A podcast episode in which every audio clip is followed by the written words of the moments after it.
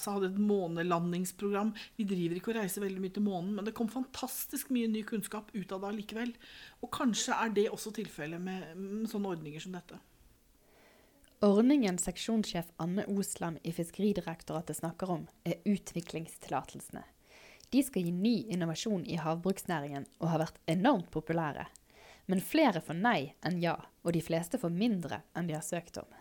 Dette er Tekfisk, podkasten om teknologi og forskning i sjømatnæringen. Jeg heter Camilla Odland, og nå skal du få høre hva sjefen for de som behandler søknadene, legger vekt på. Men først en kort melding fra vår annonsør. Bioretur leverer slamløsninger til landbaserte oppdrettsanlegg som tilfredsstiller både dagens og fremtidige miljøkrav. Gjennom sin unike abonnementsordning sørger Bioretur også for at alt slam fjernes og utnyttes, bl.a. som gjødselsprodukter. Gå inn på nettsiden bioretur.no for å lese mer om dem. Eh, Anne Osland, dere behandler alle søknadene om utviklingstillatelser. Hvordan er det å jobbe med dette? Eh, det er viktig først å si at det er faktisk veldig spennende. Det er eh, masse interessante søknader. Eh, det er en type søknader og en ordning som har høy aktualitet, høy interesse. Det er alltid kjekt å holde på med noe som er dagsaktuelt, og som mange bryr seg om. Samtidig så skal det sies at det er, det er litt vanskelig òg, da. Fordi Eh, eh, ganske mange av de er på ingen måte gode nok, og dermed så må man si nei, og så får man mye kritikk, og så tar det lang tid. Så det er, det er begge deler. Hva har vært den største overraskelsen for deg underveis? Uh, jeg tror vel at jeg skal være ærlig nok til å si at det, den helt enorme interessen mot slutten jeg, burde, jeg er så erfaren at jeg burde ha sett den komme. Men det er et faktum at fra 15. august i fjor og til 1. november så kom det ikke en eneste søknad. Og, vi, og, da hadde vi allerede fått ganske mange, og vi tenkte nok at ja, ja, kanskje den verste stormen er over. Og vi burde jo sett at det kom 41 de siste to-tre ukene. Og veldig mange den siste dagen. Jeg tror det, det ble litt mye. Hva tror du gjør at det kom så mange på helt på slutten? Jeg tror det er en kombinasjon av mange ting. Jeg tror at eh, det er klart Vi har mange år med høy lønnsomhet bak oss. Oppsida pga. konverteringsordningen er svært gunstig. Det er veldig spennende. Eh, så på en måte så er det en lukrativ ordning. Eh, jeg tror også at ganske mange hadde fulgt godt med. De hadde sett en del av de håndteringene vi hadde gjort. Og jeg er helt overbevist om at nettopp da fra, fra Aquanor og fram til 1.11. så var det veldig mange som satt hjemme og jobbet veldig iherdig. Så vi skjønte jo hvor de hadde vært hen. Eh, så jeg tenker at ja, spennende. Jeg, jeg, jeg tror at det, Og så er det jo Dette er jo ei teknologioptimistisk næring. Ja, du nevnte konverteringsordningen, og det betyr at etter 15 år så kan det bli vanlige oppdrettskonsesjoner. Og når den tiden er gått, eh, hvor mye av utviklingskonseptene vil overleve da, tror du? Ja, nå er det viktig å si at uh, kan, regelverket sier at du kan ha en utviklingstillatelse i inntil 15 år. Uh, men det finnes mange av prosjektene som legger opp til en utviklingsfase som er betydelig kortere enn 15 år. Og så kan man da, når man da har gjort, hva skal vi si, gjennomført og levert i forhold til de målkriteriene som vi og søkerne i fellesskap har blitt enige om, og som er nedfelt i, i, i tilsagnet. Når det er gjort, så kan man søke om konvertering. Uh, så det kan nok skje raskere enn vi tror. Uh, når du da spør meg om hvor mange av disse vil bli stående, eller veldig vanskelig for oss å si. Eh, jeg vil tro noen av disse konseptene vil vise seg å være interessante og vil vise seg å være drivverdige. Det vil også være andre som sannsynligvis ikke eh, blir det. Eh, samtidig så tror vel jeg kanskje litt sånn naivt sagt at det er med dette som Altså, En gang i tida hadde vi et måneprogram. NASA hadde et månelandingsprogram. Vi driver ikke og reiser veldig mye til månen, men det kom fantastisk mye ny kunnskap ut av det likevel. Og kanskje er det også tilfellet med, med sånne ordninger som dette. Og på hvilken måte tror du konsepten som for ja vil hjelpe oppdrettsnæringen? Ja, det må jo egentlig oppdrettsnæringa sjøl svare på når de har satt uh, forskjellige installasjoner og, og, konsepter ut i drift, og, og, erfarer gjennom å bruke de hva som fungerer. Eh, jeg tror at eh, Som sagt, jeg sa i stad at det er en teknologioptimistisk næring. Eh, de, har veldig, de har vist gjennom mange, mange år at at de har en forunderlig evne til å løse de utfordringene de står overfor. Så jeg er helt overbevist om at uh, det vil være grep og ting de nå tvinges til å lære seg i forhold til uh, si, uh, undervannsfòring, nedsenking, høye bølger, mindre bølgestrøm. Eh, mer og mindre lukka, nedsenkbare enheter osv. Som helt sikkert vil være med og, og bringe næringa videre. Men om det er liksom Jeg er ikke sikker på om vi skal lete etter det ene store svaret, men kanskje mange gode små. Men er det likevel noen spesiell type ny innovasjon du vil trekke frem som eh, du har tro på?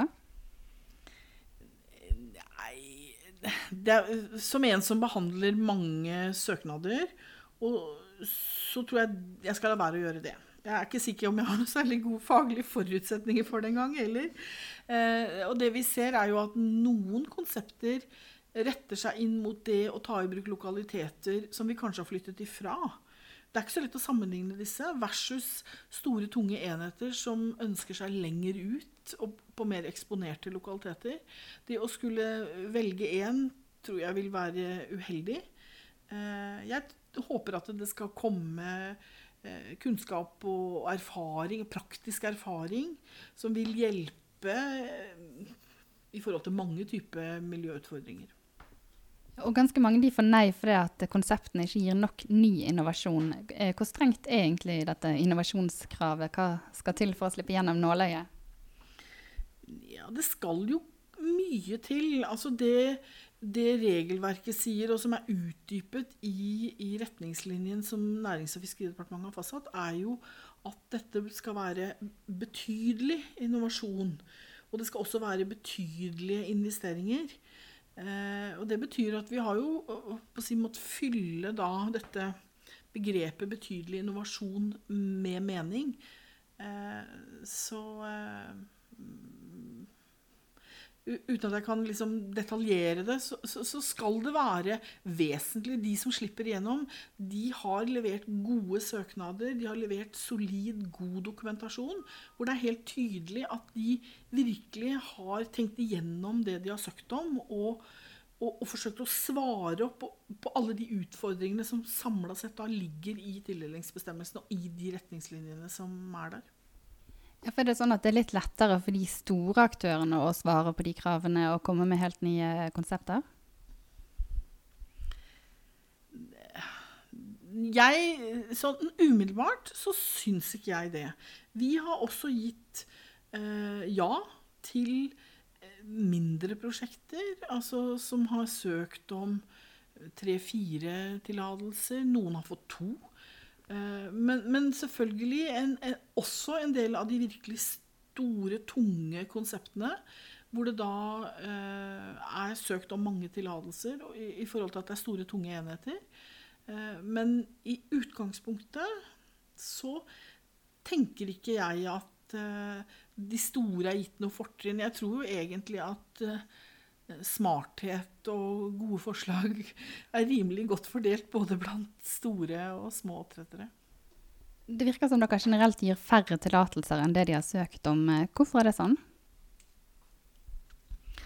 Um, det vi har en oppfordring om i, i, forhold til det rammeverket vi da er satt til å forvalte, så er det jo eh, eh gitt også føringer om at man skal se hen til hvilket biomassebehov for eksempel, som er nødvendig for rent faktisk å kunne teste ut at det omsøkte og skisserte og dokumenterte konseptet eh, altså at, de, at de, de, skal få det de på en måte eh, saklig sett trenger. Og Derfor så betyr jo det at det blir da vår ofte litt sure jobb og utfordre de og stille spørsmål og be om mer informasjon osv. inn mot, eh, mot nettopp biomassebehovet. Eh, samtidig så er det klart at eh, når retningslinjene Eh, sier at dette er de store konseptene, og at staten her bidrar med en risikoavlastning, så, så, så ligger det jo litt i, i, sakens natur at man samtidig eh, Man må også husholdere med en slik risikoavlastning i forhold til det konkrete som er omsøkt. Ja, for En del sier at ja, men når vi får så få, så har ikke vi råd til å gjennomføre det, for da blir ikke det kostnadseffektivt likevel. Ja, og det er jo en innvending vi ofte blir møtt med. Eh, samtidig så forsøker vi jo da faglig sett å begrunne hvorfor vi mener det er tilstrekkelig. Dette er jo ikke, det er jo ikke et utslag av en sånn generell kjiphet. Det er jo eh, gitt en mengde i forhold til det enkelte konsept, og hvor vi da ser på både generelle lønnsomhetstall og likedan de investeringer og kostnader som ligger i det enkelte prosjekt. Eh, sånn at i i sum, så, så, så, er det jo på en måte Det er jo et faglig hele, dette. Fremdeles er det rundt 50 søknader uten eh, svar. Når tror du alle er ferdigbehandlet? Å, jeg skulle ønske jeg kunne si ganske snart. Eh, vi jobber på hele tiden. Vi bruker masse ressurser. Masse jurister, masse sivilingeniører eh, på dette. Jeg tror de facto at det er noe sånt som 51 eller noe sånt. som ikke har fått svar ennå. Vårt mål er i hvert fall å klare en avgjørelse publisert hver uke. Det står vi ved. Klarer vi å øke tempoet ytterligere, så blir vi selvfølgelig begeistra for dette. Vi ønsker også at folk skal få svar, selvsagt. Ja, for mange er utålmodige og syns dette tar lang tid. Hva har du å si til dem? Ja, Det har vi forståelse for at de syns. Eh, og det er klart at det har gått mer enn to år siden dette starta. Samtidig så er det veldig viktig å huske på at i forhold til da rammen, altså store prosjekter hvor det er snakk om betydelig risikoavlastning fra statens side, så ligger det også i sakens natur at, at det er store søknader. De er meget omfangsrike. Det er store filer. Enkelte av disse er så store at de, holder ikke med minnepinner. De leverer søknaden sin på egen harddisk. Det betyr også at det er noen som skal lese all den dokumentasjonen som er framlagt. Og, og jeg tenker også at jo da, på den ene sida så ønsker vi å være effektive. Men samtidig så ønsker vi å ta på alvor det faktum at folk faktisk har brukt mye tid, og penger og krefter på å utforme en skikkelig søknad. Det syns jeg vi skylder de. Og Så langt ser det ut som det er eh, mange flere som får avslag enn de som får ja. Er det riktig at det skal være sånn? Uh, vel i, Det er ikke en sånn utgangsposisjon for oss. Vi eh, mener selvsagt at de vedtakene vi gjør, er så riktige som de, vi kan klare å få de. Og, og, de som har, vi har sagt ja til, og som vi anser som innenfor ordningen, ja, det er der hvor vi mener at vi, vi, ser dokumentert at de er på sporet av noe som er bra og interessant, og som er skikkelig. Uh, en del av, av de, som, uh, altså, de som da har fått nei, har, uh, har kanskje gode ideer, men de har kanskje heller ikke klart like godt, alle, å beskrive dette så uttømmende og og fyllestgjørende som vi kunne ønske oss. Ja, for Du nevnte det helt i begynnelsen at en del er rett og slett ikke gode nok. Har folk undervurdert arbeidet som trengs for å sende en sånn søknad? Jeg vet ikke om jeg skal karakterisere de, men, men det må være lov å si at det er en betydelig variasjon på søknadskvalitet. Også når dere da har sagt nei, så stopper det på en måte ikke der. Det er én eller flere klagerunder. Hva syns du om det? Det er jo en del av si, retten man har. Når man søker om noe, så får man også en mulighet til å påklage. Eh, så langt så kan vi registrere, jeg tror jeg vi har registrert at det er fire som har unnlatt å klage. Alle andre har klaget, og noen har klaget opptil flere ganger. Eh, det forholder vi oss til. Dette er jo da Når det foreligger et endelig klagevedtak fra departementets side, så legger vi også dette ut i tabellen over vedtak. Eh, det er en del av vår virkelighet. Det tar vi til etterretning. Hvordan har dialogen med oppdrettsselskapene vært underveis?